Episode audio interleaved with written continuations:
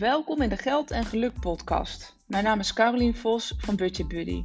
In deze podcast deel ik zowel praktische tips als triggers om kritisch te kijken hoe je slimmer met je geld om kunt gaan.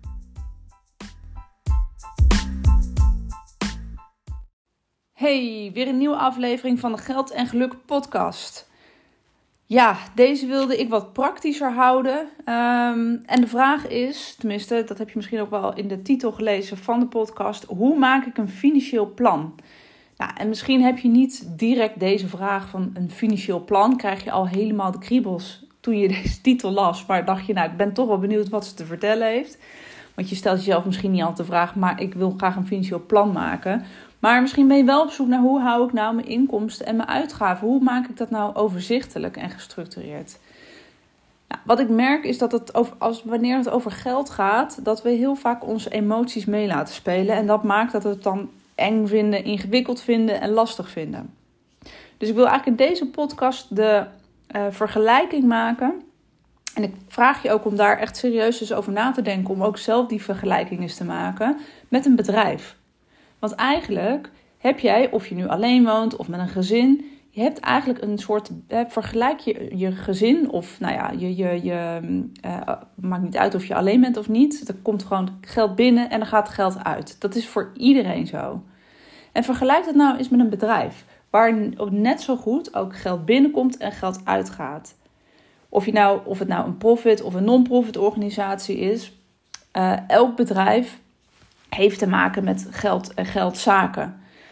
En misschien denk je nu, ja, uh, ik vind dit al ingewikkeld, mijn eigen huishouden. En nu begint ze ook nog eens over een bedrijf. Maar nogmaals, deze vergelijking kan echt helpen om eens even anders, op een andere manier naar je geldzaken te kijken. Nou goed, ik had je beloofd om antwoord te geven op hoe maak ik dan een financieel plan. Um, ik heb bijna 20 jaar in um, commerciële functies gewerkt. En dat is ook waarom ik het leuk vind om een vergelijking met een bedrijf te maken. Omdat ik heel veel dezelfde dingen zie terugkomen. Uh, ik heb in veel commerciële wat ik zei, bedrijven gewerkt in de mode-industrie als inkoper. En daar um, moesten we winst maken. Even kort door de bocht. Hè. Elk bedrijf wil winst maken. Tenzij je inderdaad in een uh, niet uh, uh, non-profit organisatie uh, werkt, dan is dat natuurlijk even iets anders. Maar in principe wil je in ieder geval geld overhouden. Dat is in ieder geval altijd wel de bedoeling. Nou, en ik ga uitleggen wat wij deden, wij als uh, inkoopafdeling of wij als zijnde bedrijf. En maak dan het sprongetje naar hoe je dat dus voor jezelf kunt doen. En eigenlijk kun je daar dus dezelfde dingen uithalen. Nou, wat we elk jaar deden, um, zo'n beetje aan het einde van, van, uh, van elk jaar. Nou, daar zitten we nu in. Het moment dat ik deze podcast opneem is het november. Dus het is bij uitstek het moment om een financieel plan te maken. Wat we als allereerste deden is terugkijken.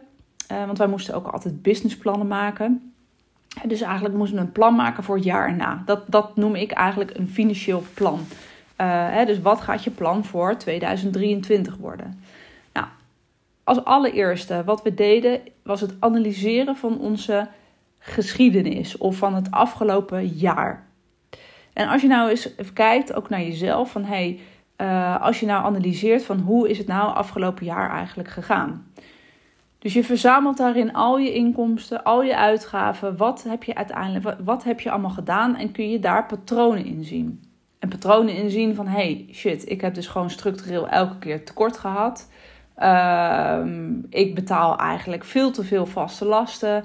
Uh, het kan ook nog wel eens shocking zijn dat je denkt: hé, hey, mijn boodschappen, wat ik daaraan uit heb gegeven, is echt niet normaal. En nu denk je misschien waar te beginnen. Wat mijn advies zou zijn, is echt gewoon terug te kijken, je bankapp uh, erbij te halen. Nou, ben je daar handig in, dan zou je ook nog een download daarvan kunnen maken naar een, volgens mij heet dat een C, ik ben altijd een beetje in de war, CVS of CSV, nou goed, bestand. Dan haalt hij al je gegevens op naar een Excel en dan kan je daar eventueel mee spelen en kolommetjes in toevoegen. Bijvoorbeeld categorieën erachter zetten. En dan kun je dus zien, je kunt het ook gewoon uh, downloaden hoor, in een, in een pdf of iets. En dan kun je bewijzen van ook nog met een, met een stift erin of even bijschrijven. Dit is een klus, ik realiseer me dat. Maar je, uh, wat je eruit haalt, de informatie die je eruit haalt, is heel bruikbaar om weer een nieuw plan te maken.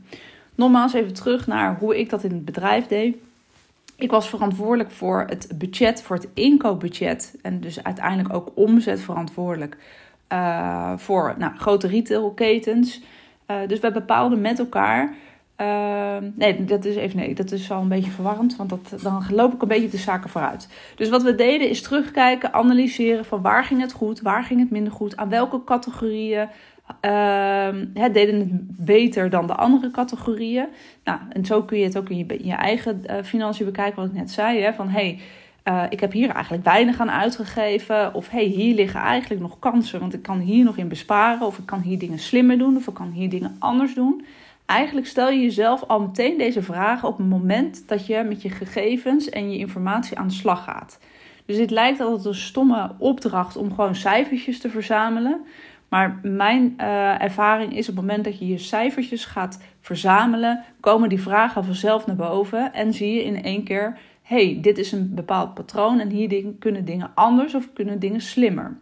Dus dat is nummer 1. Zorg dat je je cijfers uh, ophaalt, hè, dus je inkomsten, uitgaven en analyseer ze. Schrijf daarin de conclusies op.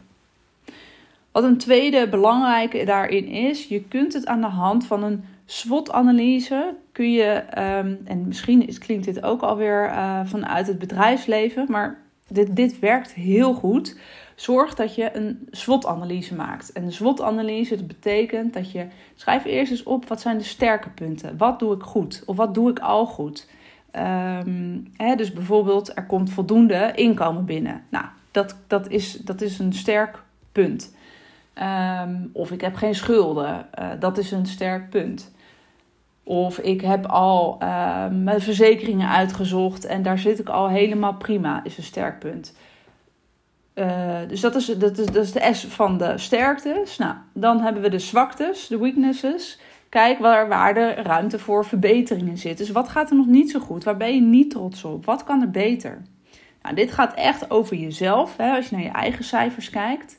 En kijk dan nog eens even, en dat zit ook in een zwot, naar de opportunities en de uh, threats. Dus wat zijn, de, wat zijn de kansen die er liggen en wat, wat zijn de bedreigingen die er liggen? En uh, kansen kunnen zijn van, hey, hoe kan ik nou mijn sterktes vergroten? Dus oké, ik heb bijvoorbeeld een goed salaris, maar zitten er nog kansen in om dat nog te vergroten? En kijk voor jezelf is van, hey, hoe kan ik mijn sterktes vergroten, maar hoe kan ik ook mijn zwaktes verbeteren? En liggen er nog kansen die ik nu niet gepakt heb? Heb ik bijvoorbeeld nog recht op toeslagen waar ik niet uh, aan gedacht heb?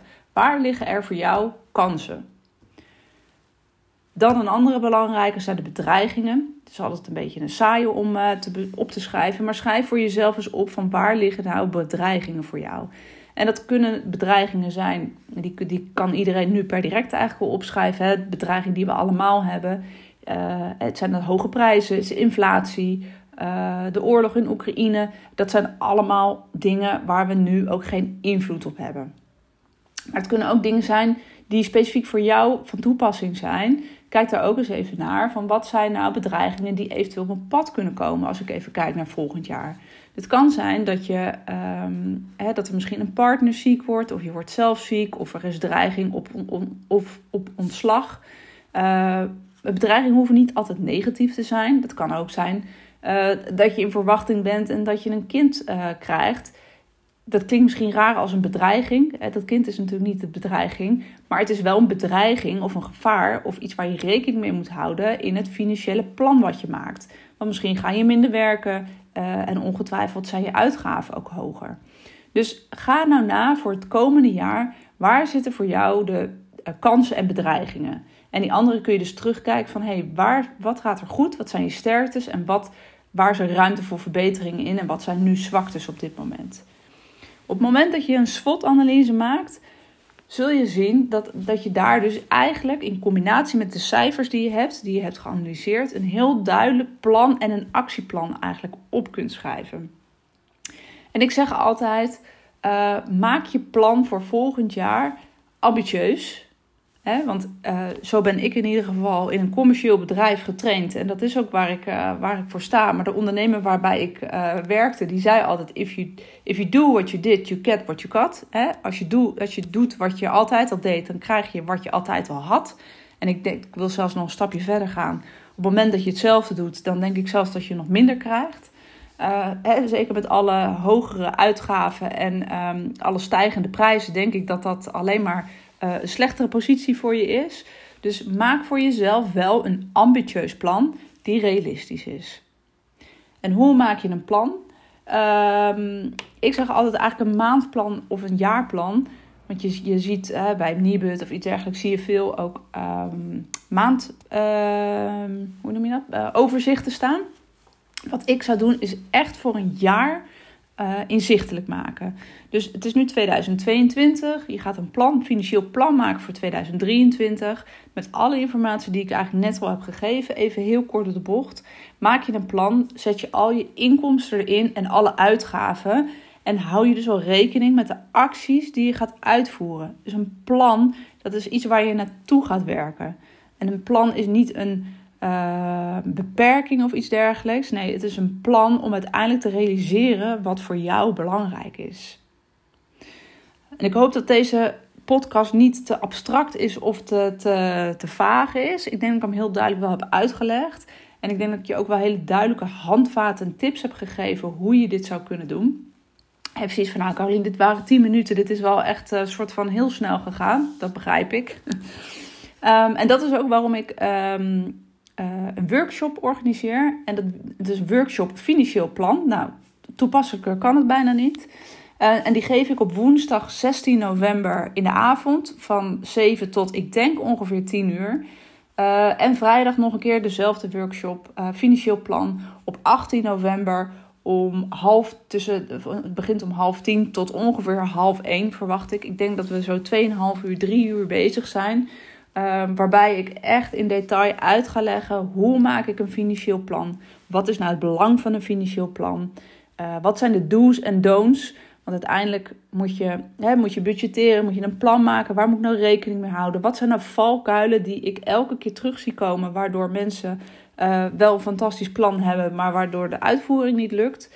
Uh, dat ga ik je allemaal vertellen tijdens die workshop.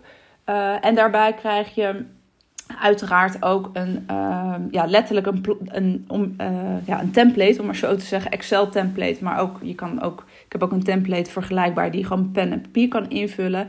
Zodat je ook daadwerkelijk je financieel plan op papier krijgt.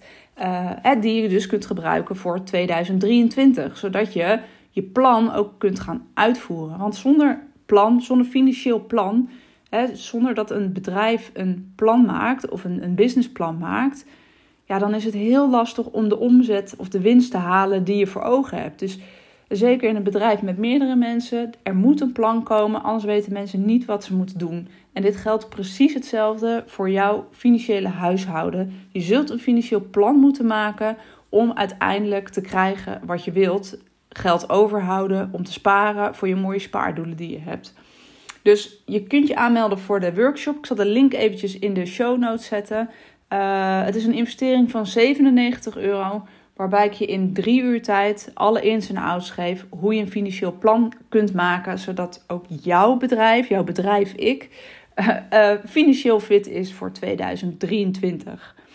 Hoi hoi!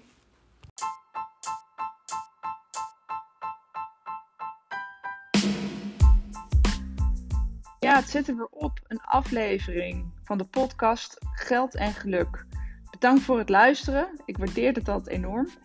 Wil je nog meer informatie of inspiratie hebben? Kijk dan op mijn website www.budgetbuddy.nl.